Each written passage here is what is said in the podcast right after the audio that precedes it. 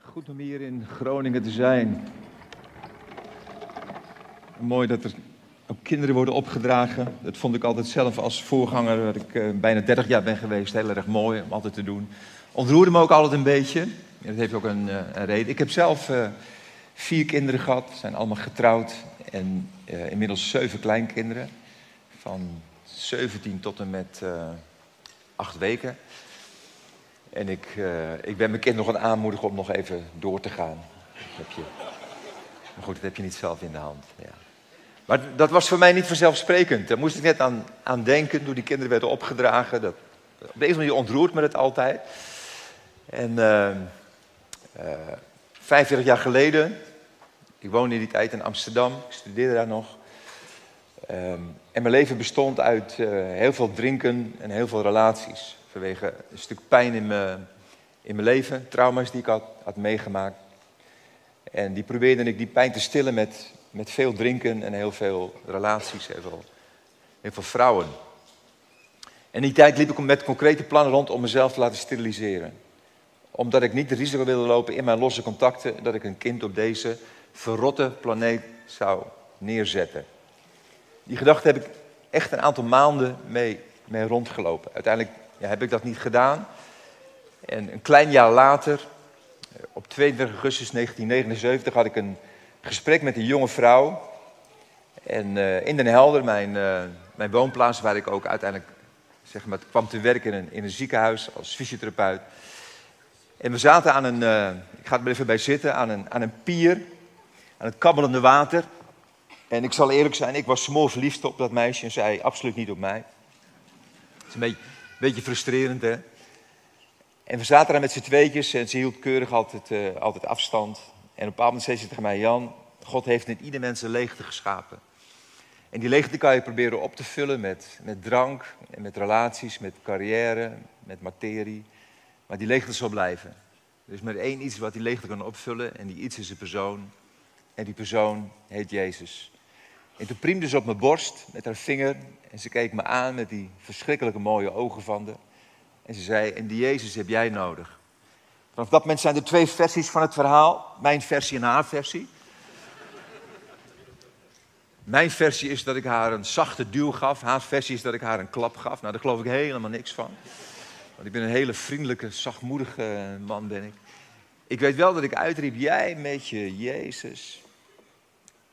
Want ze had, was daar eerder over, uh, over begonnen. In de weken dat ik uh, daarvoor haar leren kennen. En uiteindelijk ben ik die avond, diezelfde avond, 22 augustus 1979, om 11 uur s avonds, ben ik uh, naar bed gegaan. En met mijn eenzaamheid, met mijn pijn. En op een bepaald moment kon ik er niet meer aan. Ik ben mijn bed uitgestapt met het plan om me in te drinken en dan de stad in te gaan en een meisje te versieren. Maar ik bleef in de grond genageld staan. En ik hoorde opnieuw die stem van haar. Leeg je leven, je hebt Jezus nodig. En toen heb ik mijn knieën gebogen, ik ben op mijn knieën neergevallen. En ik heb het uitgeroepen tot God die ik totaal niet kende. Ik ben niet christelijk opgevoed. Ik wist helemaal niks van, van God of de Bijbel. Ik het uitgeroepen, als hij dan bestaat, wilt hij dan komen. En toen heb ik echt een ontmoeting gehad met God, wat mijn leven radicaal heeft veranderd. Ik had een ontmoeting met Gods ongelofelijke genade. Die heb ik toen op dat moment zo ervaren. Het was een indrukwekkend moment daar in mijn eentje.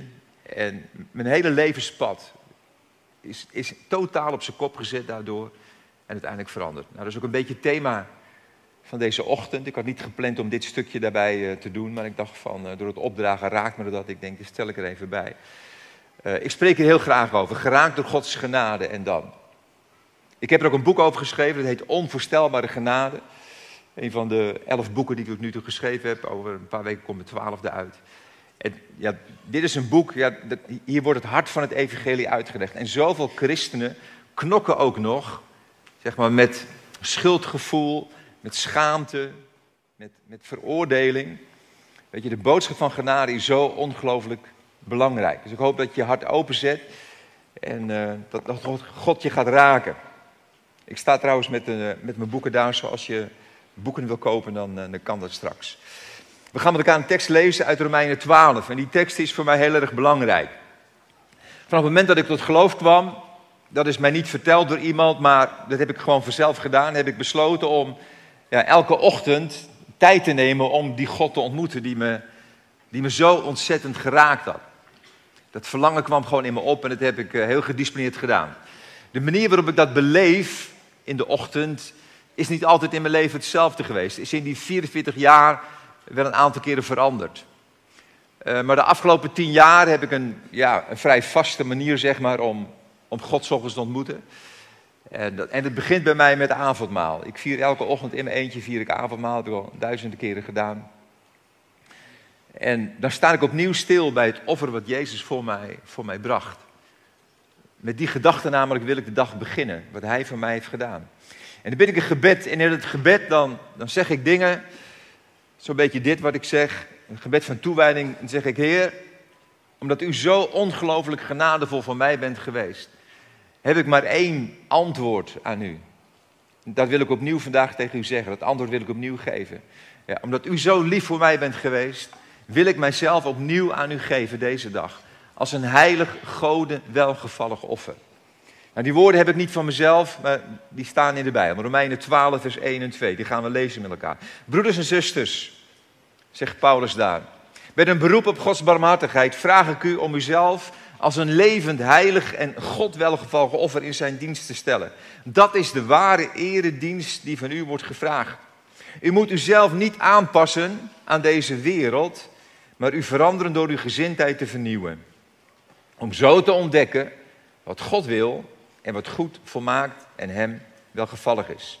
Maar deze brief aan de Romeinen, is eh, de grootste brief die in de Bijbel staat, ook de, de brief waar de meeste theologen zeg maar, op, ja, bijna op stuk gegaan zijn, omdat door de gronden deze brief, de meeste commentaren zijn over deze brief geschreven, Romeinenbrief. Dus eigenlijk ja, zeg maar het manifesto van Paulus, waarin hij die boodschap van genade zo ontzettend mooi neerlegt. En uh, deze Paulus is niet altijd een christen geweest. Hij was ooit een, uh, een fariseer die christenen juist vervolgde. Ik zou hem een religieuze extremist kunnen noemen. Dat was hij namelijk. Hij had maar één doel en dat was christenen uitroeien. Dat schrijft hij ook in een andere brief van de gelaten brief. Dat zijn enige doel was het uitroeien van christenen. Hij was daar leidend in. Toen op een er wordt een verhaal verteld in Handelingen dat Stefanus daar wordt gestenigd.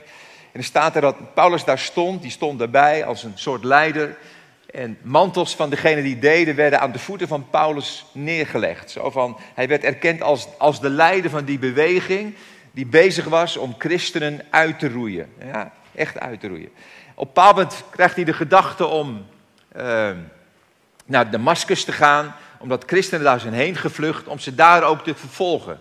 En op weg naar Damascus krijgt hij, net als ik, op 2 augustus 1979 om 11 uur s avonds, een ontmoeting met Jezus. Ik vanuit een, een leven vol zonde en hij vanuit een heel religieus leven.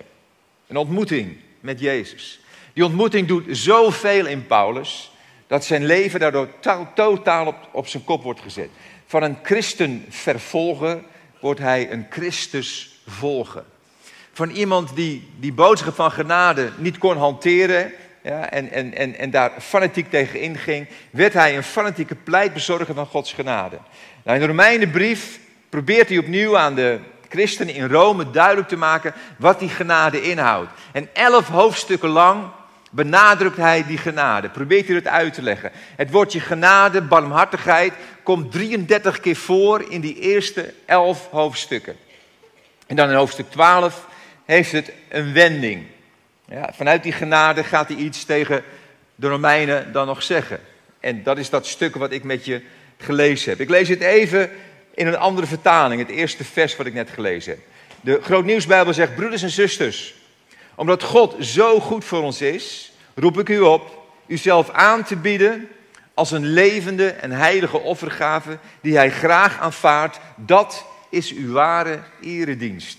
En de Engelse vertaling, die ik voor u weer in het Nederlands heb vertaald, zegt: Geliefde vrienden, wat zou voor ons een passende reactie zijn op Gods verbazingwekkende barmhartigheid? Nou, hij geeft het antwoord: jezelf overgeven aan God als zijn heilig levend offer en leven in heiligheid. Nou, de kern van de Romeinenbrief, opnieuw, is Gods genade. Dat is een onverdiende gunst die door God aan ons wordt gegeven. Daar kunnen we niets aan doen, die kunnen we alleen maar uiteindelijk ontvangen vanuit een stuk geloof. Als we in God gaan geloven, ontvangen we die genade in ons leven. En die genade is ongelooflijk groot. En die genade, geloof ik, wordt, wordt niet altijd begrepen. En Jezus heeft die boodschap van genade zelf gebracht als geen ander. Daarom wilden mensen zo graag bij hem in de buurt zijn. Allerlei soorten mensen. Eh, hoeren, tollenaars zoals die in de Bijbel genoemd worden. Eh, allerlei mensen die door de maatschappij uitgekotst werden, die kwamen naar Jezus toe. Omdat Jezus ze niet veroordeelde. Er staan prachtige voorbeelden daarvan in de Bijbel en ik ga een aantal met je noemen. Een van de mooiste voorbeelden is hoe hij omgaat met een Samaritaanse vrouw. Deze Samaritaanse vrouw die heeft een bedenkelijke reputatie. Ze is vijf keer getrouwd geweest en ook vijf keer gescheiden. En ze leeft nu samen met een man waarmee ze niet getrouwd is. In die tijd een enorme grote schande. En deze vrouw leefde in een, in een dorp en daar werd ze met de nek aangekeken. Ze werd door iedereen veroordeeld. Door alle religieuze mensen werd ze veroordeeld. Om die reden kon ze niet op de tijdstippen dat je normaal water ging putten, water putten. Dat was voor haar ondenkbaar, omdat ze veracht werd. Omdat ze veroordeeld wordt. Omdat ze die minachtende blikken niet aankon. De opmerkingen niet aankon. Daarom ging zij water putten op het heetste tijdstip van de dag. Waar niemand dat deed. En dat doet ze ook die dag. En op dat heetste tijdstip arriveert Jezus net van een reis die ze maken. Komen ze daaraan met zijn twaalf discipelen bij diezelfde put. En Jezus wil gaan drinken. Hij stuurt zijn discipelen weg. Ik denk dat ik weet waarom. Hij denkt, ze moeten dit, dit, dit evenementje niet verstoren voor mij. Om eten te halen. Hij blijft alleen achter met deze vrouw. En hij weet alles van haar. En als er iemand het recht had, zeg maar, om deze vrouw te confronteren met haar zonde, dan was het Jezus geweest. Jezus had op dat moment kunnen zeggen: Wat ben jij een slechte vrouw? Wat ben jij een immoreel slechte vrouw? Je hebt, je hebt vijf keer het zevende gebod overtreden. Het gebod dat God heeft gegeven. Maar hij confronteert haar niet met de wet van Mozes. Dat doet hij nooit. Jezus in de evangelie confronteert nooit een zondaar met de wet. Maar hij geeft altijd genade. Wat hij ziet in deze vrouw is de pijn in haar leven. En die pijn die probeert zij te stillen met relaties, met mannen. Zoals ik mijn pijn probeerde te stillen met drank en met vrouwen. Hij kijkt dwars door die buitenkant van haar gedrag heen. Hij ziet de pijn in haar binnenste. En hij maakt het duidelijk, lieve vrouw, ja, datgene wat je nu drinkt, wat je tot je neemt, die mannen, die relaties, die zullen je nooit datgene geven wat uiteindelijk je pijn gaat stillen. Ik zeg het even met mijn woorden wat daar gebeurt. Hè. Hij zegt, maar ik kan je iets geven, als je daarvan drinkt, dan zul je nooit meer dorst hebben. En wat is datgene wat Jezus haar aanbood? Dat is genade. Jezus bood deze vrouw genade aan. Dat is de boodschap die hij kwam brengen. Nou, dit werd tegengehouden door de religieuze mensen van die tijd. Die vervolgden Jezus en die probeerden hem tot zwijgen te brengen. Ze konden er niet tegen dat Jezus deze boodschap van genade bracht. zij waren namelijk genaderovers. Genaderovers stelen vrijheid. Genaderovers stelen levensvreugde. Genaderovers doden creativiteit en spontaniteit. Genaderovers jutten je op. Ze drijven je voort. Ze leggen juk van veroordeling en schuldvol op je schouders. Ze geven je het gevoel dat je het nooit genoeg deed. En de wereld was vol van dat soort genaderovers in die tijd. En een groep van die genaderovers, die besloot ook om Jezus klem te zetten. En ze bedachten met elkaar een plannetje. En wat ze deden, ze gingen achter een vrouw aan waarvan ze wisten dat ze een overspelige relatie had met een man. En ze, ze bespieden haar terwijl zij gemeenschap heeft met die man. En ze vallen opeens binnen daar, waar, waar het gebeuren plaatsvindt. En ze slepen die vrouw mee naar het tempelplein, waar Jezus op dat moment onderwijs geeft aan een hele grote groep mensen. Stel even voor hoe moet deze vrouw zich gevoeld hebben. Dan word je zo uit de slaapkamer wordt je gerukt. Misschien nauwelijks kleding aangehad. De vernedering, de minachting, de angst van deze vrouw. En ze wordt naar het midden van het tempelplein gesleept. En de fariseeën die staan daar met deze vrouw. En ze kijken Jezus aan. En ze, ze dagen hem uit. Ze willen hem klem zetten. Ze zeggen tegen hem, ja, wat moeten we doen met deze vrouw? Volgens de wet van Mozes moet ze gestenigd worden. Wat, wat moet ze volgens jou doen? En zo probeerden ze hem klem te zetten op dat moment, die fariseeërs. Ze dachten van nou, weet je, als hij, als hij zegt we moeten haar genade betonen, dan kunnen ze zeggen, maar waar blijf je dan met je woorden dat je hebt gezegd van ik ben niet gekomen om de wet weg te doen, maar om de wet te vervullen? Hallo? Als hij, als hij wel zegt, hè, we zullen haar volgens de wet van Mozes moeten stenigen, waar blijf je nou met je boodschap van genade? Opnieuw, ze proberen Jezus klem te zetten op dat moment. Maar Jezus laat zich niet klem zetten. Jezus maakt een schijnbeweging waar zelfs Messi niet aan kan tippen. Een messiaanse schijnbeweging. Ja, die is sterk hoor. Die is sterk. Een messiaanse schijnbeweging. Hij zet ze totaal op het verkeerde been. Hij stelt ze een vraag. Hij zegt, wie van jullie zonder zonde is, werpen de eerste steen. Wat een schijnbeweging. Het wordt doodstil op het tempelplein. Niemand zegt meer een woord. Want iedereen beseft dat ze allemaal zonde hebben gedaan. Niemand heeft het recht om een steen te gooien op grond van die woorden van, van Jezus. En dan, en dan zie je staan dat ze weggaan. En het aparte is dat er wordt geschreven, er staat Johannes Evangelie, dat eerst de ouderen weggaan en dan de jongeren. De ouderen gaan het eerste weg. Ik begrijp wel waarom. Want die leefden het langst, die hadden de langste lijst zonde natuurlijk. Die dachten, oh, wegwezen hier. Dus de Jan Pools gingen als eerste gingen ze weg. En dan blijft Jezus alleen achter met deze vrouw. En dan zegt hij die prachtige woorden tegen haar. Het raakt me steeds weer opnieuw. Wat hij zegt. Die vrouw die zit daar, nog steeds verstijf van angst. Wat gaat er met me gebeuren? En dan zegt Jezus tegen deze vrouw: Heeft niemand je veroordeeld? Niemand zegt ze, Heer. En dan zegt hij deze woorden: Ik veroordeel u ook niet, zegt Jezus. Ik veroordeel u ook niet. Ga naar huis en zondig vanaf nu niet meer. Deze vrouw werd door Jezus vrijgesproken. Dat wil niet zeggen dat Jezus instemde met haar gedrag. Hallo, dat is even belangrijk hè. Dat wil niet zeggen dat Jezus haar gedrag goedkeurde. Genade houdt niet in dat wij maar toestemming hebben om maar te doen waar we zin in hebben. Daarom stuurt hij haar weg, dan kom ik straks op terug met die woorden, zondig niet meer. In mijn boek schrijf ik daar heel veel dingen over. Een van de dingen die ik schreef, ik dacht, ik ga het voorlezen. Ik heb hier staan, genade is geen vrijbrief. De boodschap van genade is prachtig, maar niet zonder risico. Die kan gemakkelijk verkeerd worden uitgelegd. Als mensen horen dat het niet uitmaakt hoeveel fouten ze maken, omdat Gods genade toch gratis is, kunnen ze dit als excuus gaan gebruiken om maar te doen wat ze willen. Ze zijn immers door genade gered en doorgaan met zondig is helemaal niet erg, omdat daardoor de genade alleen maar meer zichtbaar wordt. Ook Paulus wordt met deze redenering geconfronteerd. Hij zegt daar het volgende over. Betekent dit nu dat we moeten blijven zondigen om de genade te laten toenemen? Nee, zegt hij, in geen geval. Hij waarschuwde tegen om genade als vrijbrief te gebruiken, maar hij deed geen water bij de wijn van genade. Want gratis is gratis en een beetje gratis bestaat niet.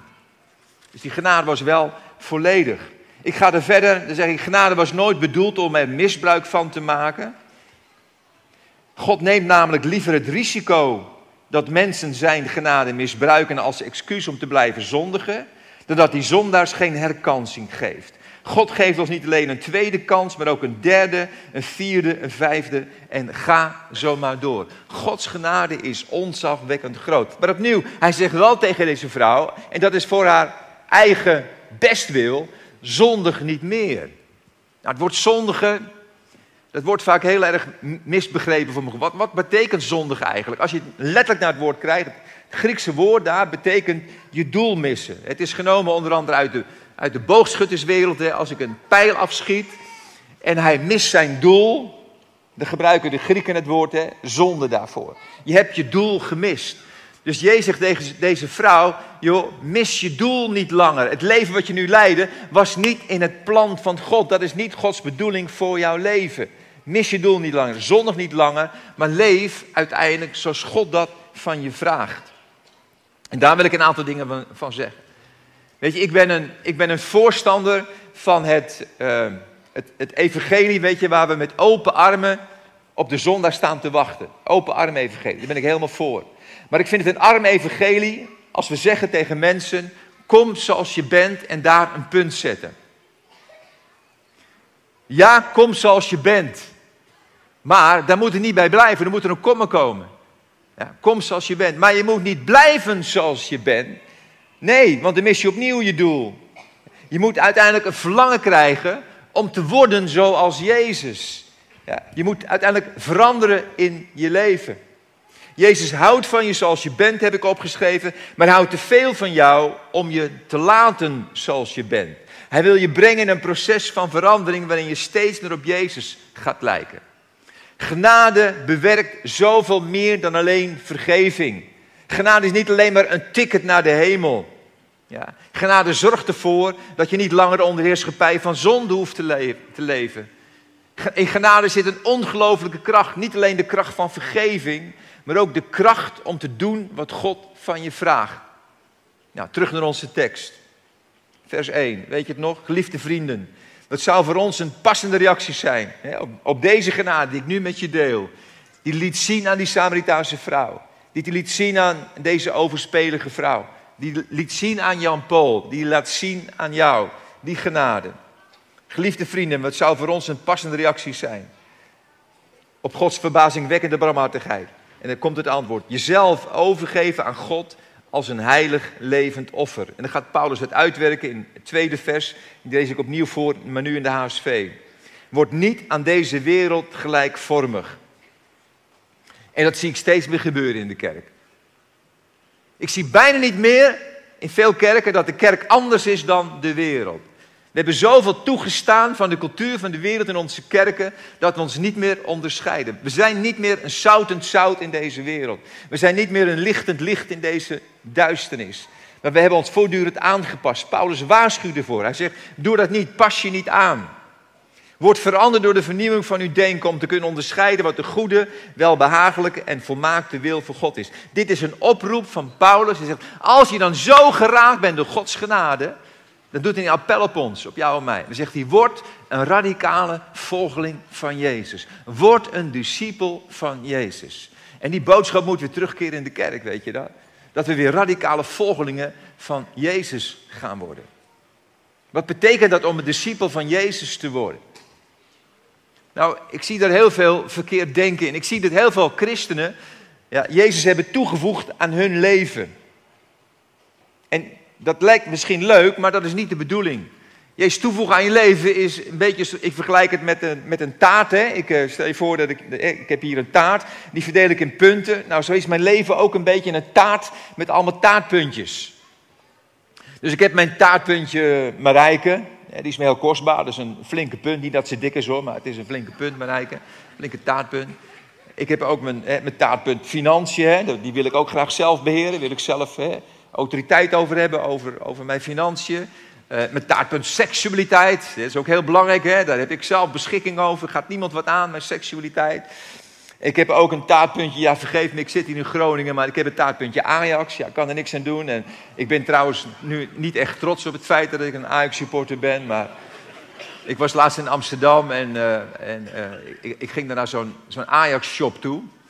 Die, die, stond er al in mijn studietijd. Een broer van Johan Cruijff heeft destijds een, sportwinkel in, uh, in de Leibaansgracht geopend. Die is er nog steeds. Er zitten allemaal van die echte oer-Ajaxiden zitten daar. Want ik had een Ajaxbal nodig voor mijn jongste kleinzoon. He, natuurlijk, is logisch. Je kleinzoon krijgt van mij een Ajaxbal. He, logisch.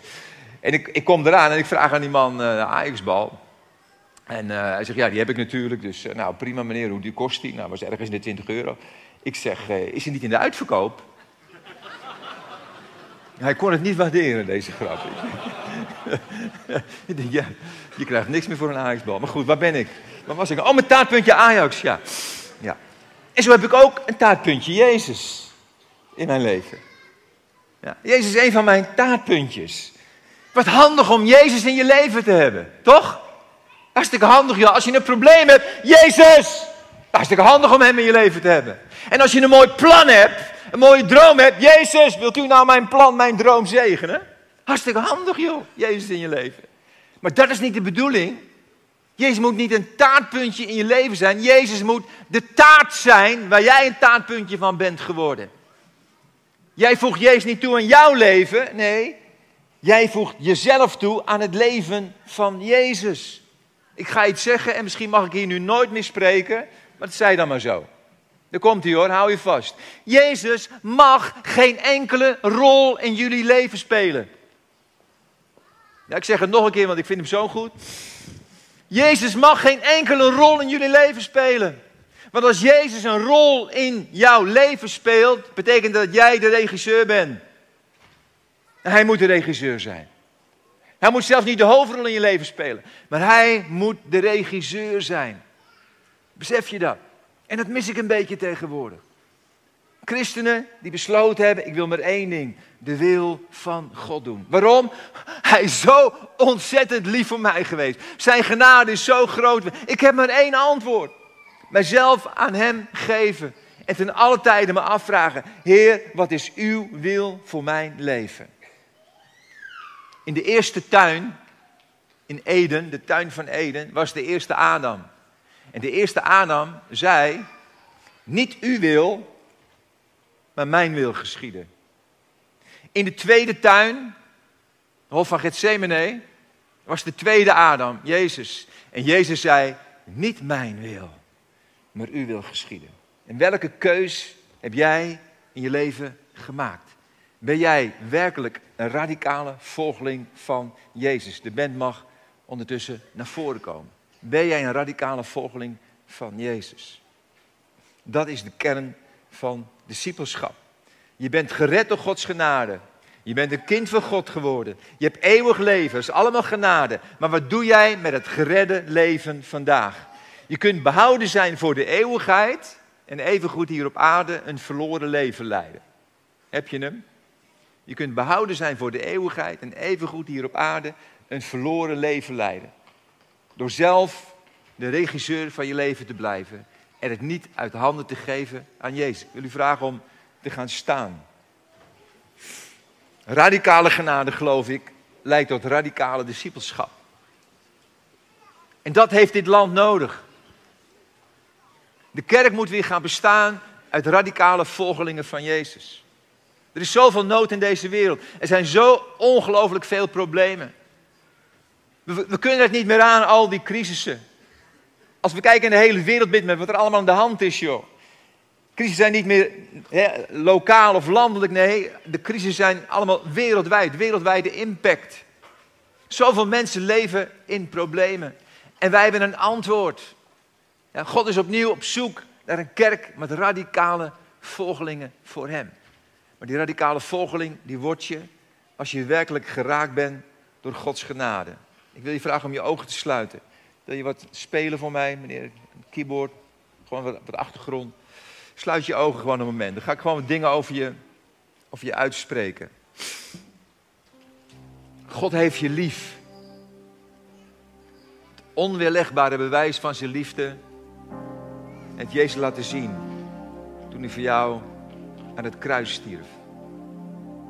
En je kunt zijn liefde voor jou niet veranderen. Je kunt zijn liefde voor jou niet thermostatisch beïnvloeden. Je kun je niet hoger of lager zetten. En Gods liefde slokt elke schuld, elke schaamte en elke angst op. Als die liefde je hart raakt, dan zul je nooit meer bang zijn dat je tekort schiet. Dat hij je de rug toekeert. Dan zul je nooit meer hoeven schamen. Je zult je nooit meer hoeven verstoppen. In de wetenschap dat hij van je houdt. God schrijft je nooit af. Hij kan stuk geslagen, gescheurde, mislukte levens opnieuw in zijn handen nemen om er juist iets moois van te maken. God zegt nooit eigen schuld, dikke bult. Hij geeft ons steeds weer nieuwe kansen. Je mag bij God komen met de scheuren van je huwelijk. Met de scherven van je seksueel leven. Met de puinhoop van je financiën. Met de dromen die aan stukken liggen. God kan de brokstukken van jouw leven nemen en wat moois van maken. Gods genade is krachtiger dan al jouw tekortkomingen. Dan al je mislukkingen. Dan al je teleurstellingen. Dan al je zonden bij elkaar. Er is meer genade in God dan dat er zonde is in de hele wereld.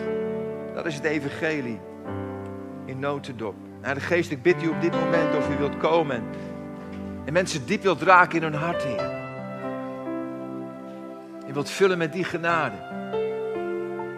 Heilige Geest, ik wil ook bidden op dit moment of u, daar waar mensen onder een Misschien nog juk van schaamte wandelen. Het juk van altijd maar het gevoel dat je tekort schiet ten opzichte van God. Een juk van schuldgevoel. Ik wil het op dit moment verbreken over jouw schouders in de naam van Jezus. Ik wil er gewoon een stuk autoriteit overnemen. Datgene wat, wat, wat die stemmen op jou hebben gelegd, wat misschien mensen op jou hebben gelegd, wat je eigen stem op je hebt gelegd. Die leugen van veroordeling, van schaamte, van schuld. Verbreek het in de naam van Jezus. Want last, het juk van Jezus is zacht en licht, zegt de Bijbel. En past op jouw schouders. Heilige Geest, doe zo uw werk, Heer. En raak al deze mensen aan, Heer. Met uw onbeschrijfelijke genade. Bid ook, Heer, dat die genade deze mensen zal omkeren tot radicale volgelingen van Jezus. In Jezus' naam. Amen. Amen.